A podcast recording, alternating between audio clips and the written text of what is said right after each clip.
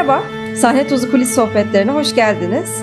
Kuliste bugün İstanbul Devlet Opera Bale Müdürlüğü baş dansçılarından Oktay Keresteci ile birlikteyiz. Çok değerli bir sanatçı, çok uzun yıllarını baleye vermiş. Hem aktif bir dans hayatı, daha sonrasında eğitmenlik. Şimdi gençlerin yanında hiç onları bırakmadan her türlü etkinliğinde ben onu görüyorum. O yüzden burada ağırlamayı da hep istiyordum. Beni de kırmayıp geldi. Çok teşekkür ederim. Hoş geldiniz. Hoş bulduk, merhabalar. Sizi tanıyarak başlamak istiyorum. Önce dinleyicilerimiz de tanısınlar. Baleye nasıl başladınız? Nasıl bir aileden geliyorsunuz? Sizi destekleyen birileri oldu mu? O hikayeyi evet. merak ediyorum. Tamam şöyle kısaca bir biyografi gibi yapayım o zaman. 1959 yılında İstanbul'da doğdum. İşçi bir babanın, ev kadını bir annenin ikinci çocuklarıyım. Fenerbahçe'de Nurettin Teksan İlkokulu'nda okudum ilkokulu ve de oradaki ilkokul öğretmenim Sümer Özden Baymur soyadlı ilkokul öğretmenim. Annemle görüşerek çünkü babam işçi olduğu için hani sanat manat hiç alakası olmayan bir insan sonucunda.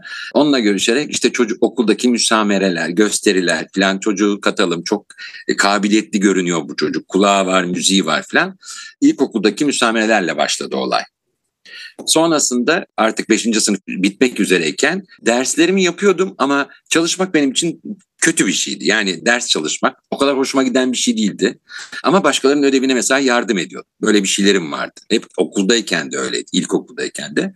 Ve de ilkokul öğretmenim dedi ki bu çocuğu baleye ve piyanoya yönlendirelim. Sanata yönlensin. Ondan sonra tabii babamızı bunu kabul ettirene kadar bayağı bir zorluklar yaşandı.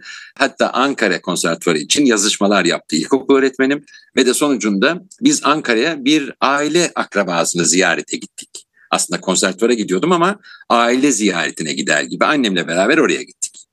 Ve de konservatuvar sınavına girdim. Hem piyanoya girdim hem baleye girdim sınavlarına. Önceliğim baleydi tabii ki. Yani benim isteğim de oydu. Dans olsun da amaç çünkü. Bale bölümünü yatılı olarak kazandım. Piyanoyu yatılı olmayan şekilde kazandığım için tercih zaten otomatikman da bale olmuştu.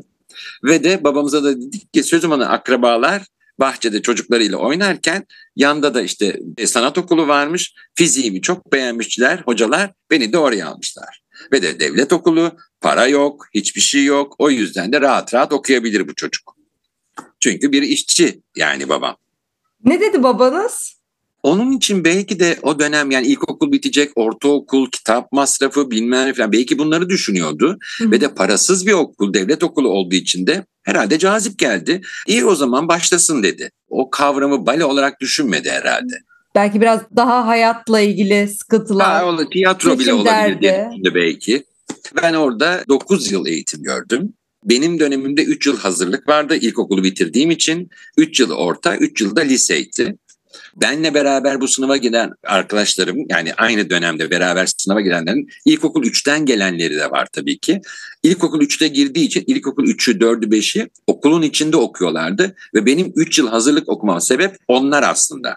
Hı hı. Yoksa ben de normalde ilkokuldan hani mezun olmuştum direkt olarak okula devam edebilirdim yani. Peki burada bir araya gireyim merak Tabii. ettim.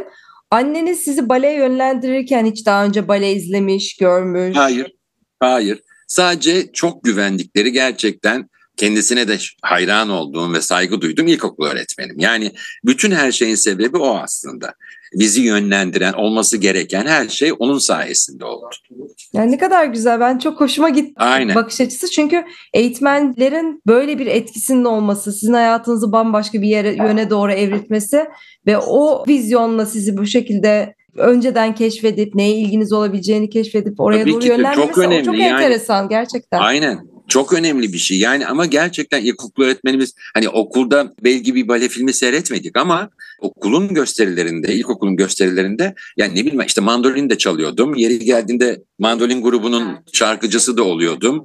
İşte ne bileyim ben dans olan bir bölümde de vardım. İşte çayda çırada oynayanda da vardım. Yani her faaliyetin içindeydim. Yani belki de bu yüzden beni böyle bir şeye yönlendirmiş oldu. Kaç yılında mezun oldunuz okuldan? Ya da yani, kaç yılında e, operaya girdiniz diyeyim? Konservatuvardan mezun oluşum. Aha, evet. 1979 yılında mezun oldum. 70'te girdim, 79 yılında mezun oldum. ve de yükseği okumamış oldum. O zamanın tabii iki yılda yükseği.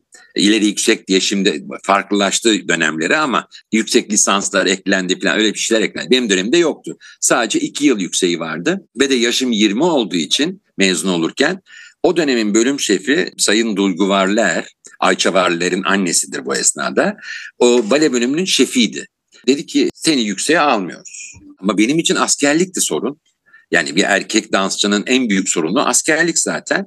Bayağı ciddi bir şekilde kavga ettim ben onlarla. Yani nasıl almazsınız beni? Çünkü biliyorum kendimi ki sınıfın en iyisiyim. Çünkü okulun gösterisinde verilen rollerin hep başrol olduğu görünüyor.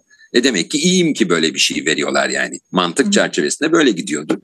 Ve de dedim ki nasıl almazsınız yani ben askere gideceğim falan. Bak dedi çok mantıklı düşünüyorsun ama yaşın 20 git bir an evvel dansa başla profesyonel hayatta dışarıdan konservatuvarı bitir. Böyle bir imkan var yani. Peki dedim artık yapacak hiçbir şey yoktu yani. Ve de sonucunda ben Ankara'dan mezun olarak direkt olarak İstanbul Devlet Opera Balesi kadrosuna geldim. Bir yıl stajyerlik yaptım. 79 yılında yani 80 yılında ana kadroya girmiş oldum. Daha sonrasında bir süre dans ettikten sonra galiba yurt dışı tecrübeleriniz de var. Evet doğru. İlk olarak Şizel Balesi'nde başladı benim hayatım. Orada önce grup dans ettim. Ekim'de sezon açıldıysa Mayıs'ında o sezonun Mayıs'ında ilk başrolüm Şizel'di. Onu oynadım ve ondan sonra hep sürekli başroller devam etti. Bu esnada Boytun Turfanda'nın koreografisi olan Hürrem Sultan Balesi ile ilk yurt dışı seyahatim Amerika'ya oldu, New York'a. Çünkü o dönem orada Kanuni Sultan Süleyman sergisi vardı. Ve bu sergi çerçevesinde Hürrem Sultan Balesi'ni kısaltarak atıyorum 40 dakikaya galiba yalan söylemeyeyim ama geçmiş yıl çünkü 40 dakikaya indirdiler tek perde gibi sanki ve onu oynadık ve oradaki ilk kanuni de o ilk defa orada oynadım ben. Sonra Türkiye'de oynamıştım tekrardan. İlk yurt dışım o. Daha sonrasında önce Hollanda o Gayvan Macmillan opera balenin başındaki direktörümüzdü Gayvan Macmillan. Onun vasıtasıyla Hollanda'ya görgü bilgiyle gittim. Üç aylık yaz tatili. O zaman tatiller üç aydı çünkü. O üç aylık yaz tatilinde önce Hollanda Sonra Almanya Mehmet Balkan'ın yanına gitmiştim. Sonra da İngiltere'de Royal Ballet'e gitmiştim. O da Madame de Valva'nın yanına gitmiştim. Ondan sonra orada işte derslere girdim, provaları seyrettim. Nasıl prova alınıyor, nasıl ders veriliyor, hocaların yaptıkları, dansçılarla olan diyalogları. Hani bir nevi kurs gibiydi benim için zaten. Psikolojiden, pedagojiden normalde çünkü yüksek okumadığım için aslında bunları bilmiyordum ben. Yani bir insana nasıl davranılır, ne yapılır, nedir her şey o üç aylık zarfta gördüm her şeyi. Daha sonra yavaş yavaş ben çok küçüklere ders vermekten korkarım hala küçük talebe olmamalı. Biraz bale bilen, daha profesyonelliğe yakın insanlara ders vermeyi tercih ediyorum. Çünkü pedagoji başka bir şey. Çocuktan anlamak, onun psikolojisini bilmek. Ha bu deneyim oldu mu? Oldu. Sonunda çocuklara şeker veriyordum. Aa hadi bu hareketi yaparsan sana bu şekeri vereceğim. Kandırmaca gibiydi yani. Her zaman korkmuşumdur çocuklarla çalışmaktan. O yüzden daha profesyonelliğe yakın, özel okulların son sınıf talebeleri, genelde bunlarla hep çalıştım ta ki 40 yaşını 42 yaşına kadar İstanbul Devlet Balesi'nin daha doğrusu Türkiye'deki birçok kampanyanın başrollerinde dans ettim. En son 42 yaşımda Mersin Balesi'nin direktörüydü o zaman şimdi rahmetli oldu. Nukri Ananaşvili soyadını yanlış söylüyor olabilirim belki. Onun davetlisi olarak Mersin'e davet edildim. Dedi ki ille Şizel'de Albrecht oyna. İlk başrolümdü. Dedim ki Monsieur 42 yaşına geldim yani artık dans etmeyeyim çok zor bir şey bu falan. Ya sen yaparsın yapmazsın bilmem ne falan. Neyse ben kalktım gittim. Dedi ki istiyorsan varyasyonunu önemli olan ikinci perde bir varyasyonu vardır çünkü. Onu kaldıralım. Oktay Keresteciğim affedersiniz bu lafı söylerken hani yiğitliğe bir şey sürdürmemek vardır ya onun gibi yaparım peki dedim. Ve ben orada normal Şizel Balesi'ni baştan sona oynadım. Ta ki en sonunda böyle erkeklerin zıplayarak böyle döndüğü fuete dediğimiz bir hareket vardır. Ayak tek ayağı yerde düz, diğer ayağı da 90 derece böyle. Bundan 8 tane yapılır ve en sonunda dönülüp yere yatılır ve eser neredeyse bitiyor gibidir yani. Adamın son hareketleridir bu. Bunu ancak 3 tane yaptım ve dönüp yere yattım. Ve o an karar verdim ki artık başrol bitmiştir. 42 yaşında başrolü bırakmış oldum böylece. Başladığınız sonra... eserle Evet hem başladım. Arada bir dönemde arada bir dönem daha oynadım. Yani üç defa oynadım ben Şizel'i. İlk başrolüm ortada gene oynadım. Ve de son da başrolüm oydu. Ama sonrasında 42 yaşında başrol bıraktım ama ne bileyim Ferhat ile Şirin'de vezir oynadım. Onda da vardı bayağı zorluklar. Gene Hülya Aksular'la beraber dans ediyordum. O işte Mehmene'yi oynuyordu. Onu da kaldırıyordum, indiriyordum. Gene bunlar vardı hep hayatımda. En son en son işte 3-4 sene evvel emekli olmadan önce de burada Romeo Juliet oynadım mesela. Romeo Juliet'te rahibi olarak sahneye çıktım. Rahip olarak. Yani sahneden kopmadım. Hala sahneye çıkıyorum. Anadolu Ateşi'nin davetlisi olarak mesela. Evet Anadolu Ateşi'ne de geleceğiz. Ama evet. aynı zamanda Hülya Aksu'ların ismini söylemişken hemen oraya bir geçeyim oraya zıplayayım Aha. istiyorum. Balede partnerlik aslında gerçekten önemli. Çünkü siz orada sahnede bir dans yapıyorsunuz. Orada bir etkileşim var ve seyirci ondan duygulanıyor, heyecanlanıyor. Ve ben böyle sizinle ilgili yorumları okurken de özellikle Hülya Aksular'la olan partnerliğinizin ne kadar büyüleyici olduğunu hep bahsetmişler. Hem onunla çok uzun yıllar birlikte dans ettiniz. İyi bir partnerlik nasıl olur? Siz nasıl bu iletişimi sağladınız, kurdunuz? Hala da takip ediyorum. Hülya Hanım'ın okulunda da gidiyorsunuz. Orada gençlerle evet, evet. çalışıyorsunuz. Takipteyim yani ama hoşuma gitti yani. Hala bu arkadaşlığınızın bu şekilde devam ediyor tabii olması. Ki, tabii ki. Yani öyle kopacak bir arkadaşlık değil. Dediğiniz gibi yıllarca dans ediyoruz. Burun buruna, ağız ağza aynı nefesten paylaşıyoruz yani. Partnerlik demek biraz hammallık, kabacası. Ama tabii ki erkek dansçı Nuriyev vasıtasıyla dünyaya erkek dansçının sadece hamal olmadığını da gösteren bir insan. O da ayrı bir konu. Ama Hülya Hanım'la öyle bir raddeye geldik ki göz göze baktığımda atıyorum AKM eski sahnesinde yerdeki asansör boşluklarının içine girdiğini ve oradan kaldırıp biraz öne kaydırmam gerektiğini bile anlayabiliyorum konuşmadan. Çünkü dans ediyoruz o esnada. Ve de o parmağın ucunda ben ayağımı yere basarak dans ediyorum. Yani o kadar iyi kontağımız vardı ki bana mesela öyle bir şey yaptı ki hayatımın en şoka girerek dans ettiğim anıdır. Aspendos'ta Dongshot oynuyorduk.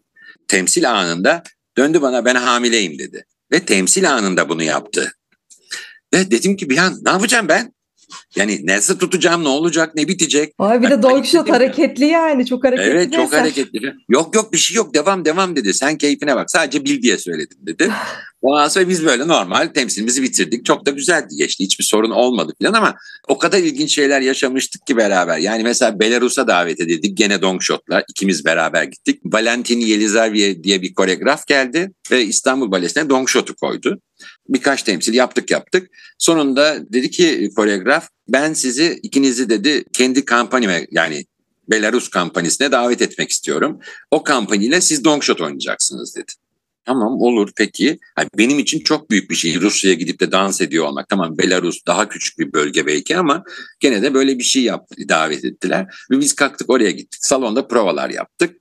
Sonra gayet güzel. Bütün işte oranın başrollerini işte ufak rollere vermişler. Ufak dediğim karakter rollerine vermişler mesela. Sonra onlar da jest olarak dans ediyorlar bizim için falan. Ve sahneye indik. Temsil yapacağız. Sahnede yerdeki biz hep lanolin dediğimiz muşamba Yok kumaş. Yerde kumaş kaplı. Ve döndüğünüz zaman böyle o kumaş hafiften toplanıyor. Çünkü ne kadar gersiniz de bir kumaş o. Tabii kay, Ve biz o şekilde dans ettik yani. Neyse çok güzel bir temsildi. Onda da bir hiçbir sorunumuz olmadı. Çok başarılı falan. Yani Hülya ile böyle çok güzel, çok detaylı anılarımız var. O yüzden zaten kopmak diye bir şey söz konusu değil yani. Ne kadar güzel. Bence çok keyifli anılar. Umarım hep böyle sizi birlikte görürüz. Anadolu Ateşi'de de çok uzun yıllar dans ettiniz. Oradaki hikayeler evet. nasıl? 99 yılında o da bir partnerim Sibel Sürel. Orada ders veriyordu. Dedik ya benim bir işim var galiba. Öyle bir şey söyledi. Bir işim var dedi. Ne olur benim yerime orada ders verir misin dedi bir seferlik. Olur peki dedim ben de. Gittim. O zaman Şişli'deydi Anadolu Ateşi'nin okulu. İşte çalışmalar başlamış. Sibel Hanım onları biraz eğitmiş. Büyük insanlar, çocuklar değil tabii ki. Salona girdim. Normalde de böyle üst katta cam olur. Genelde hep böyle koreograflar falan hep o camdan seyrederler salonu. Hani çalıştırıcı nedir, ne yapıyordur, ne dedi. Orada görmüyorum ama meğerse Mustafa Erdoğan oradan seyrediyormuş salonu. Nasıl ders verdiğimi görüyor falan. Neyse çocuklarla selamlaştık, kaynaştık falan. Ben full ders yaptım. Kapasitelerini biraz da öğrenmek amaçlı. Biraz zorlayarak hafiften bir dersimi verdim. Yaklaşık bir buçuk iki saate yakın. Dersim bitti. Dediler ki Mustafa Bey sizi çağırıyor. Çıktım yukarı. İşte hoş geldiniz, beş gittiniz bilmem ne filan. Dedi ki bizimle çalışmak ister misiniz? Dedim ki Sibel Hoca var. Yani onun dersi zaten normalde. Hayır dedi. O bayanlara verir, siz erkeklere ders verirsiniz. Yeri geldiğinde değişiriz. Yani iki böyle iki hocamız olsun daha iyi filan. Yeni de kuruluyoruz zaten filan. Olur dedim çalışırım. 1999'dan 2001'e kadar full çalıştık her gün. Bale dersleri, provalar, işte hangi danslar oluyor, ne oluyor, ne bitiyor. Baleye yakın olan düetler hazırlanması gereken onların koreografisini ben yaptım. Bunun gibi şeylerle 2001'e kadar hazırlık yapıldı. 2001'de Maydanoz Showland vardı. Sonradan yandı. Belki biliyorsunuzdur. İlk gösterimiz orada başladık. Sonrasında da ilk turnemiz İsrail'di. Bununla başlayan artık yurt dışı, yurt içi yani dünyanın birçok yerinde New York'ta, Chicago'da her yerde Anadolu Ateşi olarak dans ettik. Sonrasında Troya çıktı ikinci projeleri. Bu esnada ben 2010 yılında ayrılmaya karar verdim. Artık yeter demeye başladım çünkü. Ayrıldığımda Troya başlamıştı. Onunla da bir, bir, birkaç süre temsilleri yaptıktan sonra artık ayrıldım. Her Troya oynadığında lütfen gel oradaki kral rolünü oynuyordum ben Priamus'u. Lütfen gel o Priamus'u oyna diye rica etti benden. Ben de şimdi kırmıyorum kendisine. Örneğin Çanakkale'de kültür yolunda, İstanbul'da kültür yolunda, ayın 16 Ekim'de Ankara'da kültür yolunda, 21 Ekim'de tekrar İstanbul'da yine Troya gösterileri var. Oralarda sahneye çıkacağım. Siz Anadolu Ateşi'nde eğitmenlik yaparken bir yandan dans da ediyordunuz değil mi? Yanlış tabii bilmiyorum. Tabii ki tabii ki. Orada önce Prometheus'u oynuyordum. Orada ciddi baletik figürlerle dans ediyordum. Ondan sonra en son Haziran ayında bu kültür yolu çerçevesinde İstanbul'a Troya için gittim. Dedi ki bana Mustafa Bey ya dedi AKM senin sahnen gelmişken Anadolu Ateşi'nde Prometheus'da oyna dedi. Dedim ki ne diyorsunuz hocam? Ya yaşım oldu 63 nasıl oynarım yani? Ondan sonra olur mu canım dedi yaparsın sen falan. Zaten dedim dansı bile hatırlamıyorum. Yani 2010'da bıraktım. 12 yıl oldu yokum falan. Ondan bana 97'deki Aspendos'taki gösterinin videosunu göndermiş. İşte bunlar yaparsın diyor bana.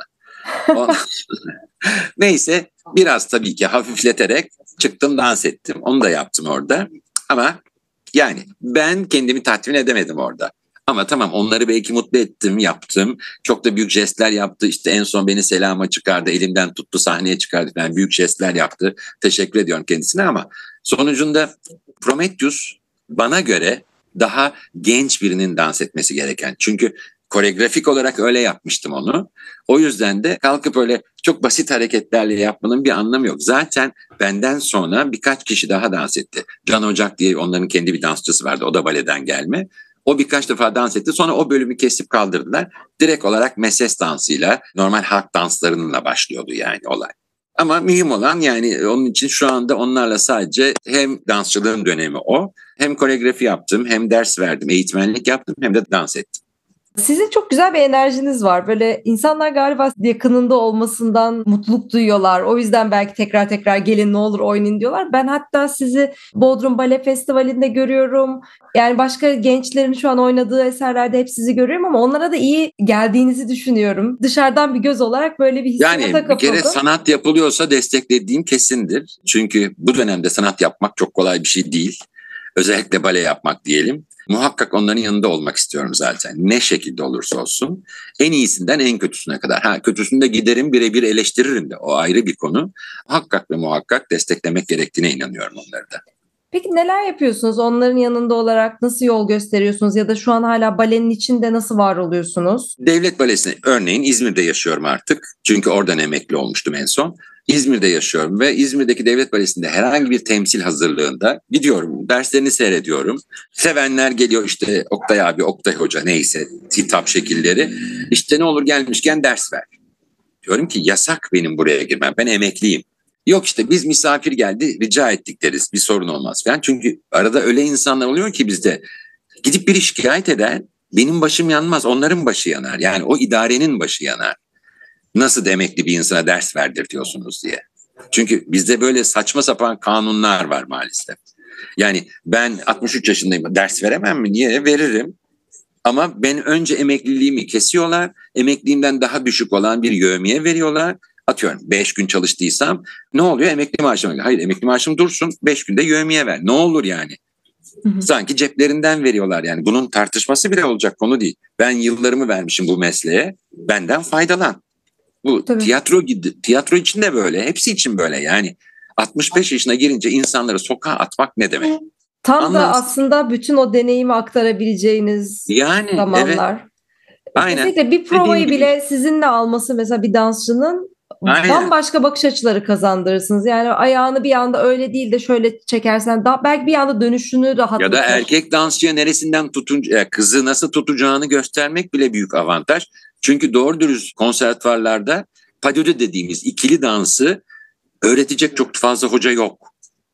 Yani biz hem yabancı hocalarla çalıştık hem yabancı koreograflarla o profesyonel hayatta çalıştık.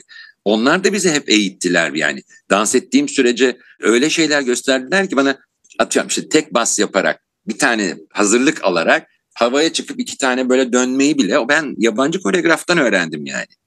Bunun gibi şeyler profesyonel hayatta ya da profesyonel insanlardan öğrenilecek şeyler. E, bunu da ben normal olarak genç bir arkadaşa söyleyebilirim çok doğal olarak. Ama bunu hiç düşünmüyorlar mesela. Bir de galiba sizin döneminizde dışarıdan yabancı hocalar çok daha Tabii. fazlaydı. Yabancı koreograflar çok daha fazlaydı. Tabii onların sizin üzerinizde çok fazla etkisi var diye anlıyorum. Tabii ki tabii ki. Azaldı diye tahmin ediyorum. Azaldı demeyelim neredeyse yok diyebiliriz. Çünkü Türk parasının değeri dolardı, euroydu bunları karşılamak, hı hı. pound'du veyahut İngiliz. Hiçbir İngiliz koreografiyi oynayamıyoruz mesela şu anda. Çünkü pound o kadar yüksek bir rakam ki. Türk parasıyla kıyaslayınca. Ya anca eş dost ay ne olur işte yapar mısın işte bizim 5000 liramız var sana da iyi bir otel ayarlayalım. Yani böyle yani saçma sapan şeylerle arkadaşlıklar dostluklarla bu işler yürüyor artık. Olacak şey değil yani. Devlet balesi ise basarsınız paranızı ya da bir sponsor bulursunuz. Aslında Türkiye'de sponsor sorunumuz da var yani. Sponsor bulursunuz, basarlar paralarını, reklamını da yaparlar. İyi bir koreograf gelir. Atıyorum Kul Gölü'nden tutun da Türk balesini Türk seyircisine gösterilecek o kadar çok eser var ki daha. Sadece biz Kul Gölü'nü, Şizeli, Uyuyan Güzeli, Dongshot'u yani birkaç tane klasik eseri biliyoruz. Ama bunun yanında Manon var, Mayerling var. O kadar çok güzel eserler var ki yani. Veya Maurice Bejar'ın daha klasik adımlı olan modern dansları var. Ama biz bunların hiçbirini yapamıyoruz. Anca yurt Çünkü dışına gidip izlemek yok. gibi bir fırsatlar oluyor ama keşke Türkiye'de olsa da herkes gibi izlese. Bu yani Türk balesi bunları oynayamayacak kapasitede değil demiyorum. O kadar iyi dansçılarımız var ki gelse bu koreograf Türkiye getirebilse gayet güzel sahnelenir ve Türk seyircisi de bunların Türk dansçılarından seyreder. Kesinlikle. Yani ille yurt dışından gelmesi gereken dansçı anlamında değil. Bırakın turneye gelmelerini onların. Biz kendi dansçılarımızla bunları yapmalıyız. Tabii tabii doğru diyorsunuz. Peki sizin bundan sonra odağınızda neler var? Biz sizi nerelerde görmeye devam edeceğiz? Hep gençlerin yanında göreceğiz ona eminim. Evet gençlerin yanında görebilirsiniz o doğru. Çünkü Bodrum'da Zeynep Okçu özel bale okulu diye, diye söyleyeyim. Orada rica ettiler. Haftanın bir günü acaba bize gelebilir misiniz, ders verebilir misiniz diye. Ben de gelirim ancak bir şartla büyük sınıflar olacak dedim. Dediğim gibi küçükler olmayacak çünkü küçükleri eğitmek başka bir şeydir. Haftanın bir günü onlara gidiyorum. Orada onlara bir jest olarak biraz ders veriyorum. Biraz repertuar onların gösterileri olacaksa eğer o repertuardaki eserleri çalıştırıyorum. Böylece onlara faydam oluyor. Dediğim gibi arada bir İzmir Balesi veya yolum düşerse İstanbul'a İstanbul Balesi'nin provasını seyrederken işte şunu şöyle yaparsan daha iyi olur. Zaten soruyorlar işte Oktay abi ne yapalım şurası nasıl olsun filan. Yani bu tip şeylerle hep onların içindeyim dediğim gibi. Katkılarınız çok önemli, çok da değerli. Biz zaten dışarıdan sizin var olduğunuz zaman ortama yaydığınız enerjiyi dışarıdan bir göz olarak dediğim gibi hissediyoruz. E, sizin gibi yıllarını sahnede geçirmiş insanların herhalde farklı bir ışığı oluyor, farklı bir enerjisi oluyor. Yani belki de bilmiyorum. Ben de seviyorum. Ben hala sahneye çıkmayı dediğim gibi Troya'da hiçbir şey yapmıyorum. Sadece Priamus'u yürüyorum yani. Hiçbir şeyim yok. Ama oraya çıkmak, o alkışı duymak, o seyirciyle bütünleşmek çok baş, başka bir şey. Neden? Ne diyelim? Sahne tozu diyelim. Tam da Bu oraya geliyordum. Aynen. Bu sahne tozu yutulduğu zaman asla ve asla bitmez. Ama benim için 1959-1922 diyelim şu anda. Sönmeyen bir ateş, bir tutkudur sahne tozu. Daha üstüne söyleyecek bir şey bulamıyorum. Tam ben sahne tozu tanımını soracakken çok da güzel bir sahne tozu tanımıyla sohbetimizi çok keyifli bir yerde sonlandırıyoruz. Tamam o zaman. Çok teşekkür İnşallah ederim. güzel olmuştur. çok keyifliydi. Sizi tanıdığıma, yüz yüze sohbeti yaptığımıza çok memnunum, çok mutluyum. Ben Umuyorum de öyle. En yakın zamanda Sizi hem sahnede izlerim belki dediğiniz eserlerle. ya da İnşallah, inşallah. kuliste buluşuruz. Yüz yüze görüşme fırsatı olur. Ağzınıza sağlık. Çok teşekkür ediyorum. Rica ederim. Sizin ne demek? gibi değerli sanatçıları burada ağırlamak benim için bir onur. Siz de böyle bir şey yaptığınız için, buna vesile olduğunuz için ben size teşekkür ederim. Ne güzel ki sanatçılarla böyle söyleşileri paylaşıyorsunuz sürekli. İnşallah sizin gibi değerli sanatçıları davet etmeye devam edeceğim ben de. İnşallah. Kendinize çok iyi bakın. Görüşmek üzere. Ben de öyle teşekkür ederim. Sahne Tozu kulis sohbetlerinin bölümlerini Instagram ve Patreon sayfalarından takip edebilirsiniz.